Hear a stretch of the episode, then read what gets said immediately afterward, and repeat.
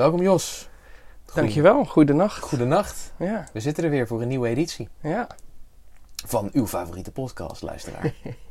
We hopen toch in rassenschreden dichterbij te komen bij de top 10 van de podcast die u consumeert. ja. Eh, wellicht zelfs nummer 1. Jos, ik wilde het eigenlijk vandaag met je hebben. Ik had er van tevoren een beetje over verteld. Ehm, prestatiedruk. En met name de prestatiedruk die jongeren vandaag de dag ervaren. ja. Eh, ik ben zelf eh, beleidsmedewerker en ik, ik, doe, ik werk met gezondheid en preventie. En ik krijg wel wat verhalen mee. Ik zit niet zelf heel veel met de jongeren in contact, maar ik krijg wel via de mensen die wel met de jongeren in contact zijn, het een en ander mee. En er is sprake van veel prestatiedruk. Mensen ze hebben het idee dat ze de perfecte levens moeten hebben. Eh, Instagram-waardig, Instagrammable, Insta-levens. Ehm, met een perfecte baan, een perfecte relatie. Vaak iemand die heel slim en lief en ook heel erg knap is. Eh, een dikke auto. Sommige mensen geven daar dan niet om. Maar eh, een, een mooie woning, veel vakantie, veel van, het, van de wereld zien, een carrière. Noem Ja. maar op. Heel veel druk legt men op hun eigen ja, want dat moet ook allemaal. het moet, allemaal moet het gebeuren. Want je leeft maar één keer. Ja, ja, Toch? ja, dat kan je ook op heel veel verschillende manieren interpreteren, maar Ja, voor sommige mensen doen dat zo. Juist, exact. Nou, en ik was even benieuwd van waar, waar komt dat vandaan? En vooral, wat kan je eraan doen? Ja. Ah, Volgens ons. Ja. ja. Dus waar, waar het vandaan komt, ik had een, een, een, een theorie dat er een, uit een aantal dingen voortkomt. De eerste is denk ik dat jongeren nu meer durven te praten over wat ze doormaken dan jongeren van vroeger. Deze generatie, en ik weet dat het lastig is om nu al over generaties te spreken, wij zijn rond de 30. En je hebt misschien mensen of jongeren die nu 16 zijn. Misschien is dat een andere generatie. Maar dat durf ik niet te zeggen. Ik weet nooit waar die grens trekt. Ja, dat is Gen Z. Dat is Gen Z, hè? Ja. En wat, ja, wat komt daarna dan? Gen. Alpha. Gen Alpha. Oh, oké. Oh, gelukkig. Dan hebben we nog een heel ander boekje aan nummerie die we open kunnen trekken. Ja. Nee, ehm, maar ik heb het idee dat bijvoorbeeld wij makkelijker over onze gevoelens praten en eh, waar we mee zitten dan onze ouders. Ja, dat denk ik ook, ja. Ehm, of, en dan onze grootouders, denk ik. Zo zit ik een beetje te denken. Eh, nou, dat is één. Dat is één, denk ik, een reden dat je hoort over die prestatie. Ja, ik denk denk ik dat het wel van alle tijden is geweest. Als jij de zoon van een Romeinse senator was, denk ik dat er ook wel wat prestatiedruk was. Om het maar zo te zeggen. Maar de meeste mensen in de geschiedenis waren natuurlijk eh, de Geen zoon Romeinse van een boer. Juist, klopt, klopt. Dat is zeker waar. En, en Ja. wat denk je daar bij de prestatiedruk van? Nou, dat je het bedrijf voort, met boeren een bedrijf voort moet zetten, bijvoorbeeld. Ja. En dat je moet proberen de naam van je vader en je moeder Ja. eh, hoog te houden. En dat je moet proberen misschien je vader of moeder waard te zijn. Hè? Ja. Eh, of het waard te zijn hun zoon Naam of te dochter te, zijn. Hun naam te dragen, ja. Ehm, maar dat is één ding. Dat ze dus iets meer dat nu durven te zeggen dan dat men dat in het verleden eh durft te zeggen. Het tweede waar ik denk dat het vandaan komt is het, het volgende. Ik heb ooit, dat heb ik Jerry Seinfeld ooit horen zeggen. Die zei, hij zei, we're, we're the first generation that really had a childhood. Hè, hun ouders, ja. they just grew up. Ja. Oké? Maar ze hadden niet echt een childhood. Maar echt een episode in je leven is. Een afgebakende episode met bepaalde prachtige, leuke dingen. Zoals naar pretparken gaan met je ouders. eh, eh, ik no- noem even van alles en nog wat op. hoor. IJsjes eten met je, met je leeftijdsgenootjes. Naar school. Daarna naar eh, middelbare school. Daarna naar college. Een hele eigen generatie hebben. Terwijl daarvoor misschien mensen niet altijd naar een vervolgopleiding gingen. Daarom op hun veertiende Nee, ze gingen dan wel de middelbare school afmaken. Dus laten we zeggen de 17e, 18e. Hoewel middelbare school maakte niet iedereen van Nee, nee. Maar laten we zeggen, gemiddeld op de 17e, 18e ging je naar een fabriek, ging je daar werken. En je collega's waren gewoon 50 en 40 en 30. En je had helemaal niet zo'n Oh ja, band groei met je je veel sneller op. Ja, je groeit er veel sneller op. Dus je hebt dan een collega die heeft al kleinkinderen. En je hebt een collega die heeft kinderen. Ja, En dat is heel anders dan dat je met 18, 19 jaren van je eigen leeftijd ja. spendeert. Geeft een heel ander teken van je Maar hoe denk je dat, het met, dat bij die Romeinse, de zoon van die Romeinse senator Ja, bijvoorbeeld, Dat is waar. Maar dat is niet wel alles, ook een childhood? is het waar zeggen, Pet. Het is eh, alles wat we al gebeurt op aarde is eigenlijk in een iets andere vorm. Wat, wat zeg je nou net trouwens? Eh, ik denk dat de geschiedenis zich herhaalt.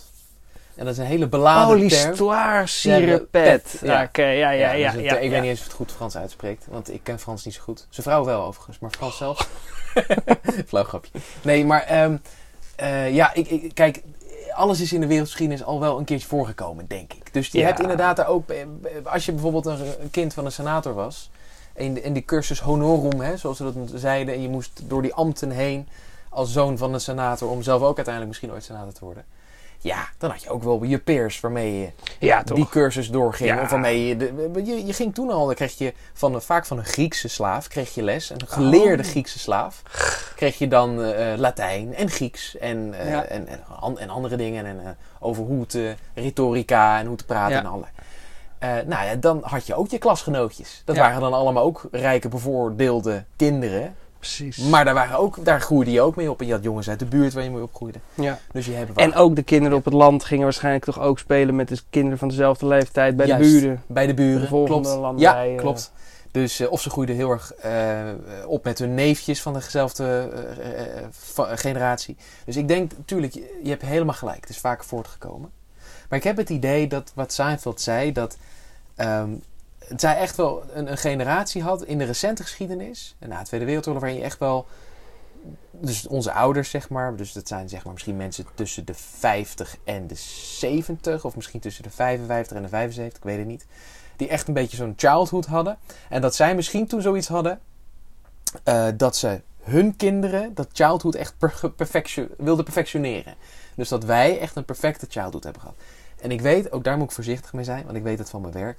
Je hebt heel veel jongeren die een niet perfecte childhood hebben. Die, die echt in disrupte gezinssituaties eh, opgroeien met eh, een vader die veel drinkt en om zich heen slaat. Of drugsgebruik of drugsdeal. Of, eh, of, of er is helemaal geen veiligheid in huis. Of er kunnen over Mhm. bepaalde onderwerpen totaal niet gepraat worden. Dat is ook een soort van mishandeling eigenlijk. Ja. Dat je echt dingen helemaal afkapt en dat er niet over gepraat mag worden. Stel je hebt een kind die gay is. En, die wil dat, en het is gewoon niet bespreekbaar met je ouders. Dat is ook een soort van mishandeling. Voel je ook helemaal niet thuis. Dus ik wil dat niet onderschatten, bagatelliseren. Maar ik heb in mijn leven om mij heen gezien, ook omdat ik zelf echt wel bevoorrecht daarin was. Wij komen een beetje uit dezelfde buurt, Mhm. geografisch. Heel veel jongeren die echt wel een mooie childhood hebben gehad. Dus, Ja, eh, zo. Ja. eh, waarbij het, hè, ik- mooie kleding, eh, was altijd eten, was altijd ehm, ruimte en financiële ruimte om leuke dingen te doen. Mooie Niet vakanties. altijd tijd. Niet altijd tijd, dat ben ik met je eens. Maar wel, eh, bijvoorbeeld wat ik je even voor de podcast vertelde, een vakantie naar Amerika en dan door Californië heen reizen. Dat, Ja. eh, Wat was het? Vij- 25.000 dollar Ja. dat, dat dat zo gewoon kost. En met twee kinderen. Laat staan dat je met drie kinderen gaat Ja. en je gaat. Eh, ik zeg niet dat al die gezinnen dat deden. Wij deden dat ook niet. Wij gingen naar Italië. Wat geweldig was, wat ook heel duur was, begrijp me niet verkeerd. Maar het is iets andere Ja. orde van grootte. Ehm, maar ik had toch wel, zag ik om me heen toch wel veel jongen die echt wel mooie, mooie jeugd hadden. En ik weet dat dat misschien ook niet eh, helemaal representatief is voor het hele land en zeker niet voor de hele wereld. Maar ik zag toch wel veel liefhebbende ouders die echt wel veel voor hun kids over hadden. Ja. En, en ik heb het idee dat dan na zo'n perfecte childhood of zo'n zo'n upbringing die echt wel redelijk fijn en relaxed is, Mhm. dat je dan ineens zelf moet gaan werken. Ik denk dat dat echt een reality check is. Dat je, stel je hebt je nooit heel erg moeten bezighouden met wat kost de boodschappen, wat kost een woning, wat kost een, een auto, wat houdt dat werken eigenlijk in? Ja, ik zag mijn vader en of mijn moeder wel dan een hele dag weggaan en soms heel moe thuiskomen. Ja. Of helemaal niet moe en dan was ze juist heel energiek omdat ze leuke dingen had meegemaakt op werk. Eh, maar het was altijd een beetje ver van bedshow, want ik ging Ja. naar school en verder zat ik... eh. Het zijn toch eens weer andere wezens. Hele Ja. andere, hele wezens, andere dingen tijd. doen. Hele andere momenten. Dus ik denk dat het voor veel, dat was het voor mij in ieder geval zeker, en ik hoor dat best wel veel om me heen, dat je dan, als je dan net moet gaan werken, dat het een beetje een reality check is. Van, oh, nu moet ik ineens alles zelf gaan betalen.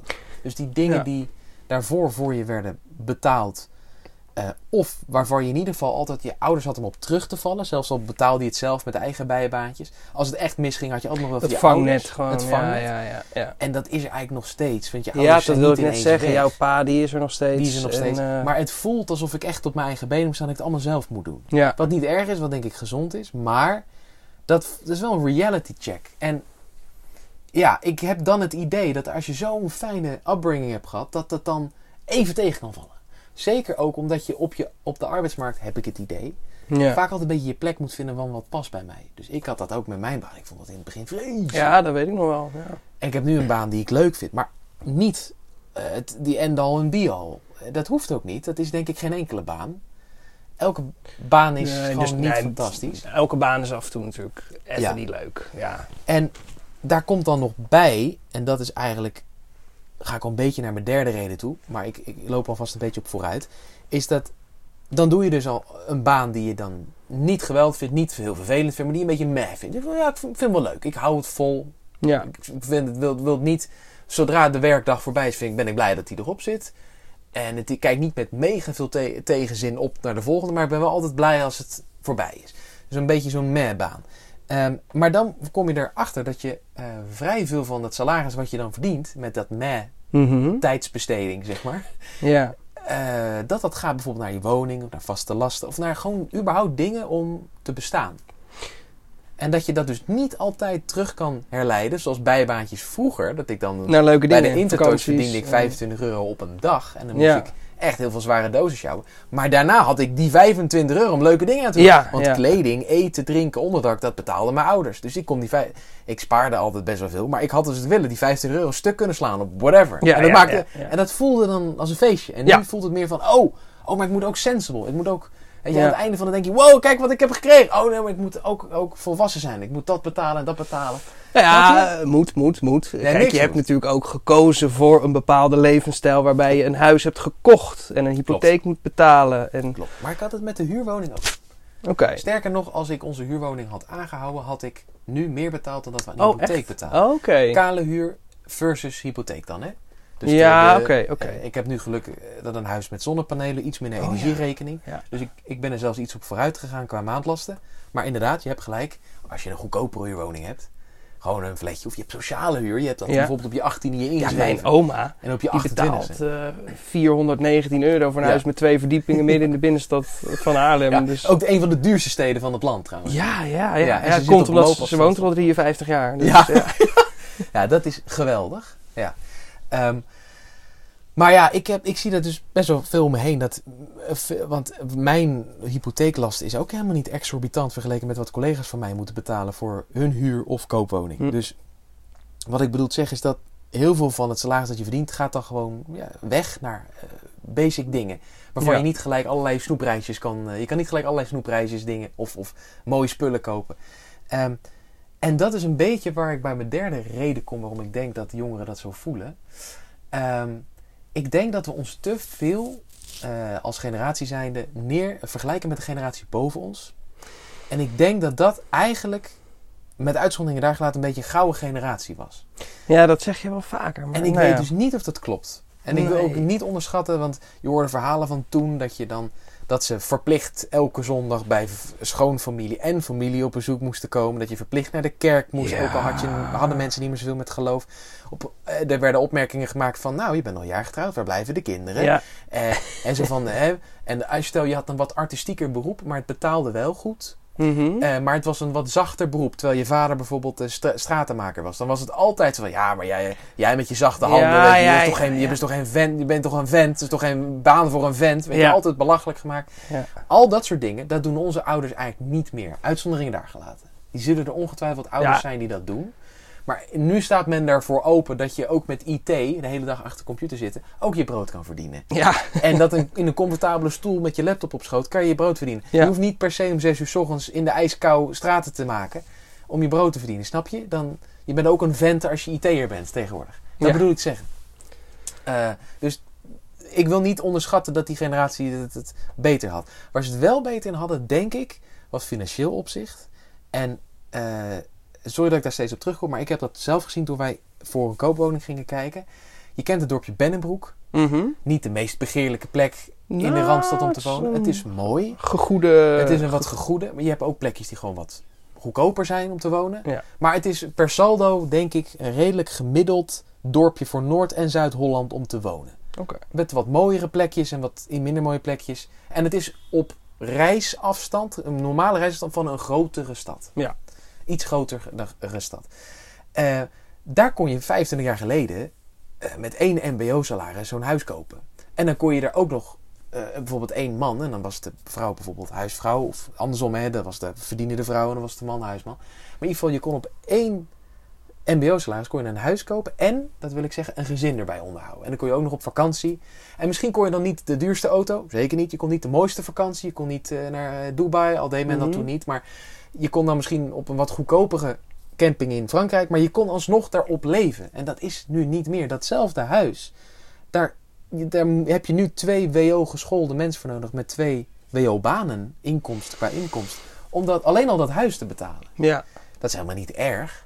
Hè? Dingen worden duur. dat En jij, jij zegt dus dat het niet heel veel uitmaakt of je koopt of huurt voor de prijs. Eh, nee, sorry. Dat is eigenlijk niet wat ik zeg hoor. Nee, wat ik zeg, daar kun- kunnen we zo op komen. Nee, waar ik zeg is dat die, in die ge- tijd kon je dus met een MBO-salaris.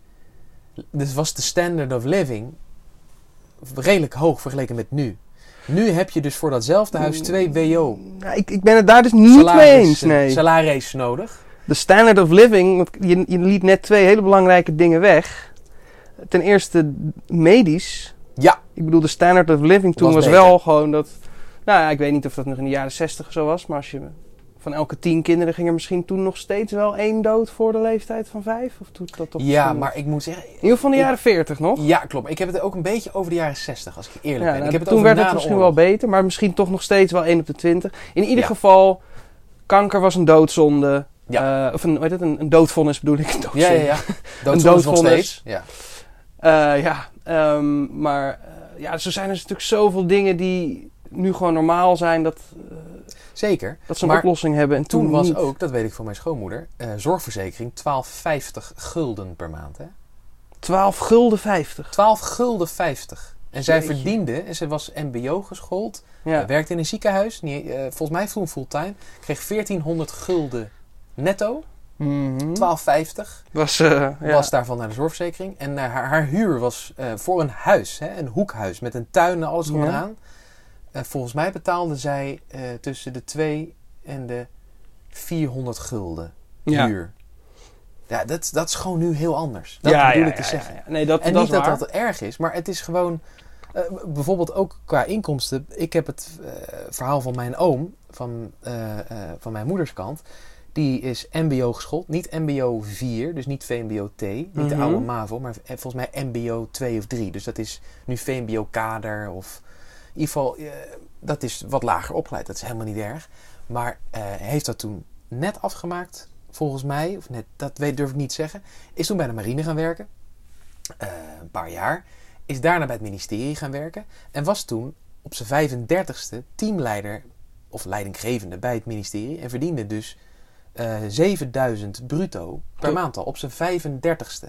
Ja, gulden. Gulden. Dus dat Ja. is, ja, het Klopt. zal nu vij- 7000 euro of zelfs nog meer zijn. Ik denk zelfs nog wat meer zijn. Ja, Ehm, zo, ja, dat is wel veel dan en- eigenlijk. En dat gun ik die man van harte. Maar Ja. ik denk niet dat je vandaag de dag met een MBO 2 of 3 opleiding leidinggevende kan worden. En dat zag hij ook. eh, voor dat salaris. Ja. Want hij had die baan al heel lang. Is toen op een gegeven moment op zijn 2, 63 wat eerder met pensioen gegaan. Hij merkte ook, hij kon het ook niet meer bijhouden. En als in al zijn peers, de mensen waarmee hij werkt, waren allemaal jonge, jongere WO gescholden. En het ging allemaal in het Engels. En dat was hij gewoon niet gewend. Nee. En dat is ook niet erg. Dus hij merkte van, ja, ik, ik kan Ja, daar... Ik heb Dat is dus wel erg. Ja, maar I'm, I'm losing touch. Dus toen heeft hij ervoor gekozen om eerder te stoppen. En dat Nee, maar ook gewoon de nieuwe generatie, dat is wat ik net wilde zeggen, is nu gewoon veel beter opgeleid. Ik bedoel, er zijn zoveel meer. Vroeger was Ja. naar de universiteit gaan echt een, Echt echt een ding. echt Ja, een ding. mijn vader was de enige in zijn hele voetbalteam, zijn hele straat, zijn hele school die dat ging doen. Zo. Ja, en Ja. nu is het, eh, weet niet, 10, 20 procent van de mensen gaat misschien wel naar de universiteit. Heel goed. En Dus we hebben dat- onderwijs is veel beter. Dus de concurrentie in het hebben van kennis is veel groter. Dus natuurlijk is die man dan uitge, wordt eruit geconcurreerd in feite door de Je nieuwe generatie. Hij heeft dan Ja. natuurlijk al een plek, dus Ja. hij zit dan al wel goed. Maar daar raak je wel aan iets. Dat zie ik ook op mijn werk. Opleiding devalueert, merk ik ook. Bijna iedereen. Natuurlijk, ik, we zijn van miljoenen uitzonderingen, ongetwijfeld. Maar waar ik het Mhm. zie, waar ik werk en heb gewerkt. Iedereen die nieuw komt op, op die werkvloer en die WO geschoold is, krijgt een HBO-baan. En iedereen Ja, die dat HBO heb ik ook geschoold vaak is, gehoord, krijgt een MBO-baan. Maar wie krijgen dan de? WO-banen? De WO-banen. De beste alleen WO'ers. maar 40, 50-plussers. Die hebben dan niet altijd WO gedaan hoor. Dat hoeft niet. Maar, trouwens bijna wel oh. allemaal. Maar die zijn gewoon ouder. Dus de WO-banen, dat zijn dan de traditionele leidinggevende banen. Zijn gewoon, die, die krijg je ook niet op, op als je 30 bent of Nee. als je 20 bent. Dat snap ik. Ja. Maar, eh, of als je 25 bent, sorry. Maar ehm, het, dat is, het, het, het is gewoon grappig om dat te zien. En je merkt dat soms dat die mensen dat ook wel onwennig vinden. Dat ze dan heel veel mensen leiding geven. We hadden toen zo'n tijdelijke manager. Die was zelf WO geschoold, hartstikke slim hoor. Maar die moest dus, die zei van ja, ik moet dan allemaal wel hele slimme mensen hier leiding zien te Ja. geven. Die moeten allemaal maar naar mij luisteren. Ja. Hij moest aan 32 vrij mondige WO geschoolde leiding geven. Ja. Eh, veel dames ook, veel pittige dames. En dat vond hij toch wel lastig. Ja, ik kan me voorstellen. En, eh, eh, eh, eh, ja, dus het devalueert ook. Kijk, en enige, dit waren dus eigenlijk de drie redenen waarvoor, waarvan ik denk met jongeren ervaren die prestatiedruk. Want ik denk dus dat ze zich heel erg vergelijken, om die derde reden af te maken, met die generatie van onze ouders die dus wat goedkoper woonden, wat goedkoper leefden, misschien ook iets minder verdienden, maar per saldo qua koopkracht gewoon veel rijker waren dan wij nu. Niet helemaal Nee. misschien, er zijn wel uitzonderingen. Nou, het- het- ja, nogmaals, ik heb dat al een keer eerder gezegd. Maar als, zij een, een- als je in de jaren 60 een iPhone wilde hebben, dan had je wel een paar miljard Ja. neer mogen leggen. Kijk, daar, daar, komt het, daar komt het laatste, dat wilde ik op het eind zeggen. Dat heb ik ooit van een reactie, en dat was vast een, een, een 65-plusser op, op, ehm, die dat zei, onder zo'n eh, eh, eh, artikel op nu.nl. En die, en die zei van, ja, eh, en ik weet wel dat het allemaal wel duurder is, maar wij hadden vroeger allemaal niet van die vette gadgets. Nee, precies. dat is natuurlijk ook waar. Als je en die- vette gadgets, maar eh, je had het net ook Ja. even over, eh, over zorgkosten en zo. Ja. Dat die 12,50 waren en nu 100, 112,50 euro, zeg ja, maar. minimaal, meestal meer. Eh, Ja, nou, ik, ja, ik betaal dat inderdaad met verhoogd eigen risico. Ja. Oh ja, oké. ehm, ik zit op de 120 en ik heb het kaalste pakket wat er bestaat van mijn zorgverzekering. Maar, ik bedoel, als mijn ma een MRI-scan nodig Ja, heeft, weet je wat dat kost? 1400 euro om even te gaan liggen. Klopt. Dus die gadgets, die zijn wel, die ze- Ja. hebben ze nu wel, maar ze zijn wel heel erg duur. Ja, absoluut. En ja, het- wil je dan liever zeg maar eh, een lagere huur hebben, maar zeg maar eh, ja, Slechtere veel minder zorg. zekerheid in, in inderdaad eh, gezondheid en zo? Ja, dat heb je Dat in heel veel niet. landen om ons heen trouwens. Niet per se in Europa, maar heel veel landen daarbuiten. Daar, heb je, daar is het wonen veel goedkoper, maar is de zorg vaak veel slechter. En Klopt. de infrastructuur En dat zijn slechter. niet de landen waar je wil wonen. Nee, daar is vaak ook politieke Tenzij je instabiliteit. heel veel geld hebt natuurlijk. Maar Ja, tenzij je heel veel geld hebt. En als, je, als je erin geplaatst wordt in dat land, Ja. voordat je zeg maar, verteld wordt welke laag van de bevolking je terechtkomt, dan Ja. zou, je dat, zou je niet Amerika kiezen waarschijnlijk. Nee, bijvoorbeeld. Dus Nee. de kans is echt heel En- groot dat je heel arm wordt En neergezet. als je dan heel veel geld hebt, moet je ook nog eens uitkijken bij welke bank je het parkeert. Want in Italië, heb ik geleerd, zijn, zijn er Oh, zo'n ja. 500 banken. Nou, daar wordt ook wel eens, wel eens wat, misschien gaat er wel eens wat failliet. En dan Ja. ben je je spaargeld kwijt. En wij hebben dan zo'n regeling dat je tot 100k Ja. krijg je. Maar ik denk niet dat ze dat in alle landen hebben. nee, dat pech. zal niet. Nee, geen idee, maar dat, dat Nee. zal misschien niet. Maar goed, dat is een ander. Maar ik denk dus dat wij ons... eh, wat, wat ik eigenlijk ga, zou willen meegeven aan jongeren is van get the pressure off. Probeer niet zoveel druk op jezelf te leggen. Ja. Eh, Geniet gewoon van het leven. En je krijgt misschien inderdaad niet die baan die je vader kreeg met dezelfde opleiding. Je krijgt misschien niet dat huis dat je vader en je moeder hebben. Eh, en je krijgt misschien niet die auto en niet die vakanties. Want het is allemaal een beetje onbetaalbaar geworden. Ja. En je krijgt ehm, misschien dat niet allemaal. Maar bijvoorbeeld ook niet een huis dat je elke 15 jaar een nieuwe keuken, een nieuwe badkamer kan doen. Want dat kost gewoon ontzettend veel geld. Mhm, Maar mhm. Who cares? Wat maakt dat nou weer uit? Probeer gewoon wat iets minder. Probeer, probeer ervan te genieten. Ik, ik, ik ben opgegroeid, en dat heb ik ook wel geluk mee, in een, zo'n half vrijstaand huis met sikke tuinen, alles erop en aan. Mhm. Ik moet er niet aan denken om zo'n huis te hebben. Ik heb gezien Nee, het ik kom ook uit zo'n huis, maar dat inderdaad... eh, En eh, alleen al in die tuin werken, dat me dat bespaard blijft de rest van mijn leven, ben ik echt heel erg blij mee, ouwe. ja, heel neem, erg. neem een tuinman. hè. Ja, maar dat is ook. Ik bedoel, het kost ook gewoon heel veel geld om iemand dan. eh, Met, moet je inderdaad iemand in je tuin laten werken. Want je wordt, het is echt veel te veel met allemaal in je eentje te doen. Maar anyways, dat is weer een andere kant van die medaille. Dat ik dan denk, je, hoeft, je hoeft er ook niet jaloers op te zijn. Want eh, bezit van de zaak is het einde van het vermaak. Hè? En vaak als je dat dan hebt, dan komen er altijd zorgen met onderhoud en Ja. al het andere. Nee, maar ik bedoel ook, weet je, probeer er niet te veel druk op jezelf te leggen. Je hoeft niet die droombaan, je hoeft, het maakt allemaal niet uit. Probeer gewoon een baan te vinden waar je gelukkig van wordt.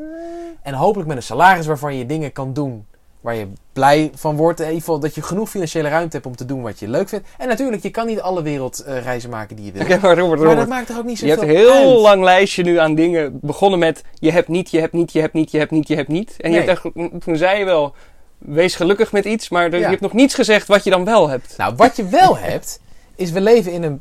Als je in Nederland woont, je leeft in een heel stabiel, redelijk stabiel land. Precies. Tuurlijk, Je hebt wel allerlei politieke partijen die nu steeds meer tegen elkaar komen te staan. Maar je hoofd, le- leeft over het algemeen een heel stabiel land. Ja, Je kan op heel veel plekken hier s- s'avonds lopen als meisje of als jongen zonder dat het eh, Gevaarlijk is. gevaarlijk is. Tuurlijk, die zijn er wel, wil ik niet onderschatten. tuurlijk. Maar, Maar over het algemeen in, in Waddingsveen kan je denk ik wel, op of in Roelofarensveen of Rotterpolder, wat is het allemaal? Dat zijn knooppunten in ja. knooppunt Rotterpolder. Anyways, eh, we wonen in een stabiel land. Het is, het is, eh, alles is hier top geregeld. Dat kom je, word je altijd mee geconfronteerd als je uit een Ja. vakantieland komt waar het wat minder goed geregeld is. Dan denk je in één keer, goh, wat is het in Nederland wel goed geregeld. en ehm, je hebt inderdaad allerlei vette gadgets tot je beschikbaar. Je kan, even voor, de, even voor je beeld, als je vroeger in de jaren 70 een liedje wilde horen, van een bepaal, dan moest je dus opzoeken. Ja, waar, geen soort Moest je dus naar een biep fietsen, door de regen heen, bergopwaarts, als die open was. Want je wist de openingstijden ook niet, want dan kon je ook Nee, niet kon je ook niet opzoeken. Dan moest je nou maar geluk hebben dat hij er was. Dan moest je opzoeken. Ergens geen idee waar, want internet en computers had je niet. W- en- en welk een bepaald liedje dan je in je hoofd had, moet je maar geluk hebben dat je er eh, daar een boek was of iemand was misschien die dat wist. Van welk album en van welke artiest dat was. En dan moest je daarna naar een winkel fietsen die cd's of platen verkocht. Dan moest je geluk hebben dat die plaat daar lag. Ja. Voordat de, en dan moest je daar weer mee naar huis gaan. En dan, het was gewoon een wereldreis om een liedje te luisteren. Nu, je typt in op YouTube, je kan Ja. op Google, je kan bijna elke foto die ever gemaakt is, bijna elk lied dat ever gemaakt is, bijna elke film die ever gemaakt is, bijna Ja. alles wat ooit is vastgelegd, in welk medium of welk gremium dan ook, kan je terugvinden en kan je van genieten. Ja. Dat is toch bizar? Nee, ja, zeker. Dat dus, is toch fantastisch? dus daarom, gegeven dit, zie ik ook niet zoveel problemen als jij ziet, volgens mij. Nee, dat is waar. Maar ik moet ook eerlijk bekennen, en dat denk ik wel waar, Jos. Je, je hebt nog heel veel studenten om je heen in je leven. Ja. En die zitten, en ik heb wat startende werk, werkende starters om me heen. Ja, startende werkers. Mensen ook, die net ja. werken. Ze, ze zijn startende werkers en werkende start. Ja, ja, Kan ja, niet anders ja. maken. Nee. En je ziet dat die, ik zie dat, ik zie dat die dat een beetje hebben. Zo'n reality check. En bij de ene is dat wat groter dan bij de ander. En bij de ene duurt het een maand en bij de andere duurt het veel langer. Ja. Bij drama queens zoals mij duurt het wat langer. Als ik. Eh, maar ehm, ja, ik, wil, ik wilde dat gewoon even zeggen. Want het is echt best wel een ding. Eh, ook, ook ik bijvoorbeeld van mijn werk. Ik, ik werk veel samen met de GGD. Die maken gezondheidsrapporten. Die doen uitgebreide enquêtes. En je Ja. ziet de prestatiedruk onder jongeren. Mentale weerbaarheid, somberheid, depressie vanwege prestatiedruk. Dat is Ja. echt een ding. Ja, dat is wel echt zo. wel een ding.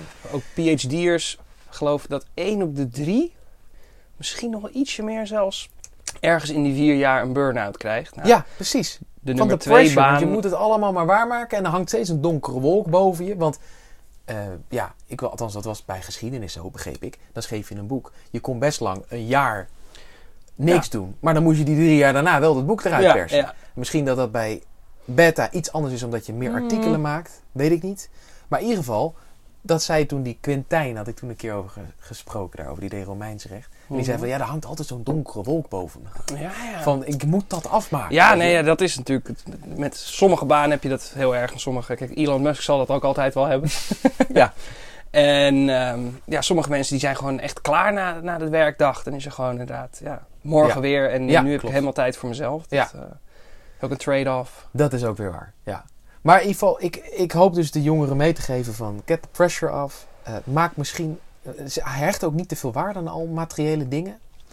Eh, zo'n Nee. huis, zo'n auto. Zelfs ook niet zo'n vakantie. Want ik heb Nee. mooie reizen gemaakt in mijn leven. Naar, Noord naar Amerika, Uiteindelijk is het maar een week in het jaar. Uiteindelijk valt het allemaal reuze mee. En het gaat ook vaak om het gezelschap van wie met wie je de reis maakt. Het- Zo, en, de, en de mensen die je ontmoet. En dat kan zelfs in je eigen land een hele leuke vakantie hebben. Ik heb vorig jaar een coronajaar gehad. Ben naar Friesland op vakantie geweest. Dichtste vakantie, meest dicht bij huis ever. Was verrassend leuk. Ja? Had ik niet verwacht. Was het wel. En ik ben ook naar Egypte, Marokko, eh, al- alle Europese landen ben ik sowieso geweest. Althans, West-Europees, veel. En eh, met jou naar Vietnam, weet ik nog. Mhm. Naar New York, naar Noord-Afrika. Ik, ik heb best wel wat landen gezien. Niet heel veel, ik ben geen wereldreiziger. Maar best wel wat gezien om een beetje te zien van... Nou, de, hoe zien andere landen er een beetje uit? En het is allemaal geweldig. Maar laten we ook niet overdrijven, weet je. Het is ook...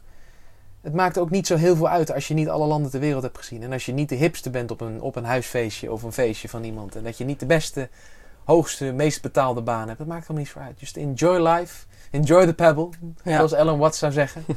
Ehm, dat was eigenlijk een beetje wat ik wilde meegeven. ja, ik wil er nog wel één, één ding aan toevoegen. Of Graag. aan, aan ja, één boon te pik met Ja, het verhaal. Ja, oké. Dus over dat werk. Ja, Eh, je zei op een gegeven moment... Probeer niet te erg je droombaan te krijgen. ja. Daar ben ik het niet mee eens. Nee, misschien heb ik dat ik zou juist gehoord. zeggen, Ja, neem wat langer genoegen, wat je zelf ook zegt, met, met minder eh, geld bijvoorbeeld. Ja. Eh, en eventueel status of zo, weet ik veel. ja, en investeer wat meer tijd aan het begin om juist wel dan heel... Want je werk is wel... De meeste Ja. mensen doen dat toch acht uur per dag. Ja, het is Vijf dagen in de week. 60, 70 procent van je leven. Althans, nou, nee, op- dat toch niet? bij, Nee. bij mij. Nou ja, ik ben bijvoorbeeld meestal van 9 uur s ochtends ja? tot 7 uur s avonds met mijn werk bezig. Oh ja. En heb ik niet echt een uitgebreide lunch. Oh ja. Dat dus het van je wakkere leven Van mijn wakkere leven. zo. En ik kan kort. Ik, ik, ik heb soms dagen dat ik wat klaar, eerder klaar ben. Maar wat ik ook moet zeggen, s'avonds zit het in je achterhoofd. ook. Ja, ja, ja. En soms kan ik dat helemaal uitzetten, zoals nu, als ik met jou deze podcast maak. Ik denk, ik heb er geen moment aan gedacht. Maar je, het zit ook een beetje in je achterhoofd. En vaak hoe meer druk er op een baan zit, hoe meer dat speelt. Maar volgens Nietzsche ben je dan een slaaf. Of tot slaaf gemaakt. Ja, klopt. Ja, door de maatschappij. Ja, maar Iedereen die meer dan de helft, of een derde van zijn leven, dus ik denk de helft van je wakkere leven, als je 8, Ja. 8, 8, Ja, 24. maar dan was Nietzsche denk ik zelf ook een slaaf. Want Ik- die was denk ik ook langer dan acht uur per dag bezig. ja, maar wacht even, ik zeg het ook niet goed. Want in, in, in die uitspraak zit nog wel iets van werk dat je niet zou doen als je er geen geld voor zou krijgen, bijvoorbeeld, of zo. Oh, ja, ja. Oké, ja, ik kijk... Als iemand mij wil betalen voor de hele dag geschiedenisboeken lezen... en een stukje schrijven eh, terwijl ik in de biep zit... Ja, en een Turks pizza haal als lunch...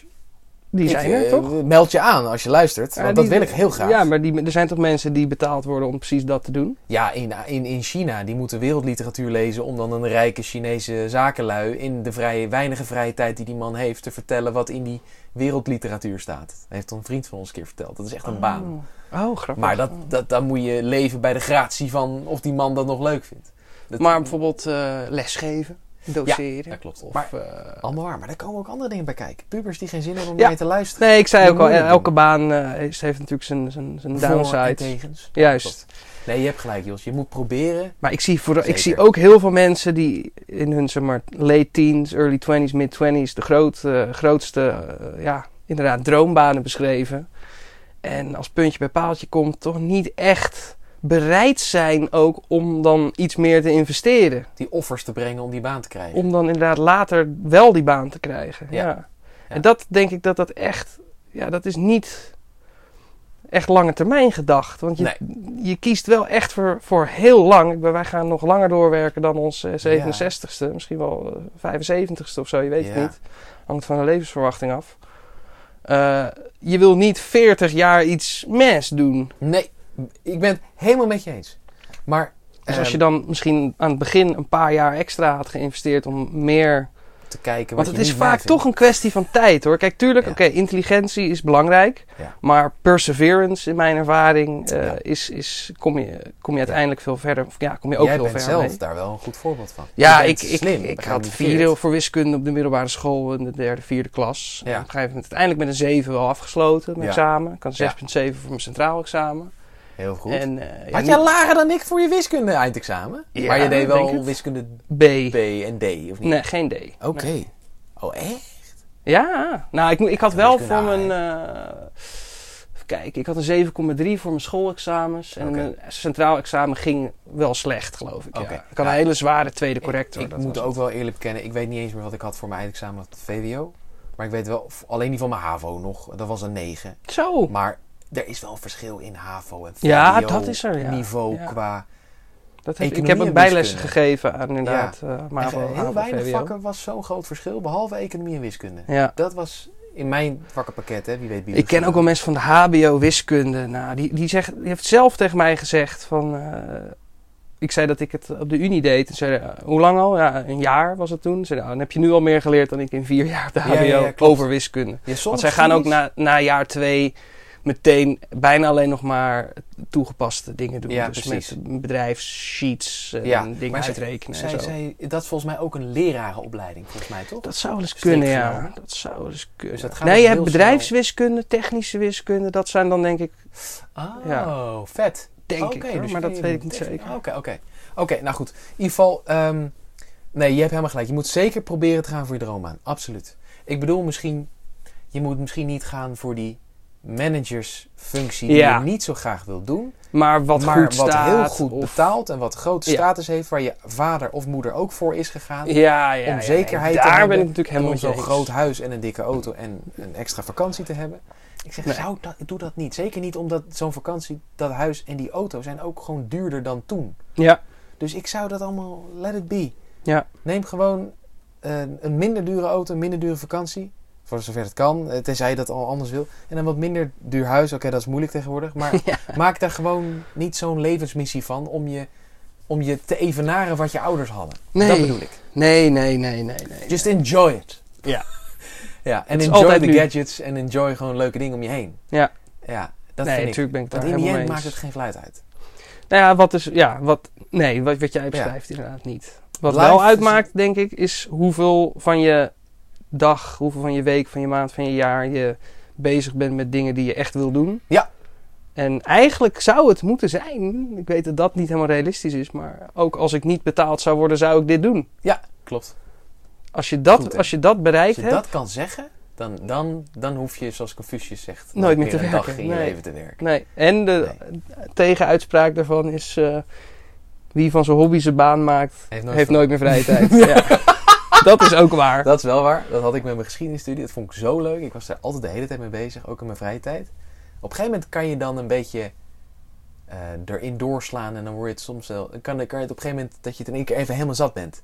Dan wil je over andere onderwerpen. Ja, ja, ja, snap ik. Ja. Maar goed. Ehm, even kijken. Ja, want dat is ook nog misschien goed om, om een beetje naar, naar de afsluiter te gaan. Ehm, je, hebt, je had zo'n eh, man die dat vertelde. Dat was een dominee, volgens mij, uit Amerika. Ik heb zijn preek ooit geluisterd. Die dan vertelde dat het leven een beetje is zoals Monopoly. Oké. En dat eh, het heel vaak veel, in Amerika al helemaal met bezit natuurlijk, denk ik, hoewel je daar ook uitzonderingen hebt, dat het gaat om hoeveel je hebt.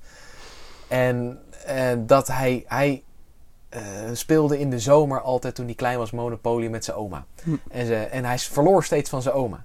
En zijn oma zei, one day you'll learn to play the game. Ze- hij zei, and one summer I was training. I was playing Monopoly every day, almost all, all day long. Uh, trying to, to, to learn it, trying to master it. And that's, I sat down with my grandmother to play that fall. And I dominated. I took everything she had. I, f- I became the master of the board. I had all these houses and hotels and all this. Tre- Yeah. It was all mine. And then my grandmother had a very important lesson to teach me. Then she said, when the game was over, and now it all goes back in the box. Ja. All those houses and hotels, all that property, and all that wonderful money, it all goes back in the box. Als in, nu is het spel voorbij. Ja. Je kan het niet meer meenemen. Nee. Je gaat dood en that's it. ja. Dus dat, sta je ook niet te veel op ik moet zeggen, dat geldt ook voor wat in mijn wereld de currency van... Ja, van eh, Kennis. Dat ja, neem je ook niet mee. kennis neem je ook niet mee. Nee. Het zou dan wel fijn zijn als er een hierna- hiernamaals is. Waar je Ja, dat zou zeker fijn Dat zou zijn. toch wel fijn Ja, ja.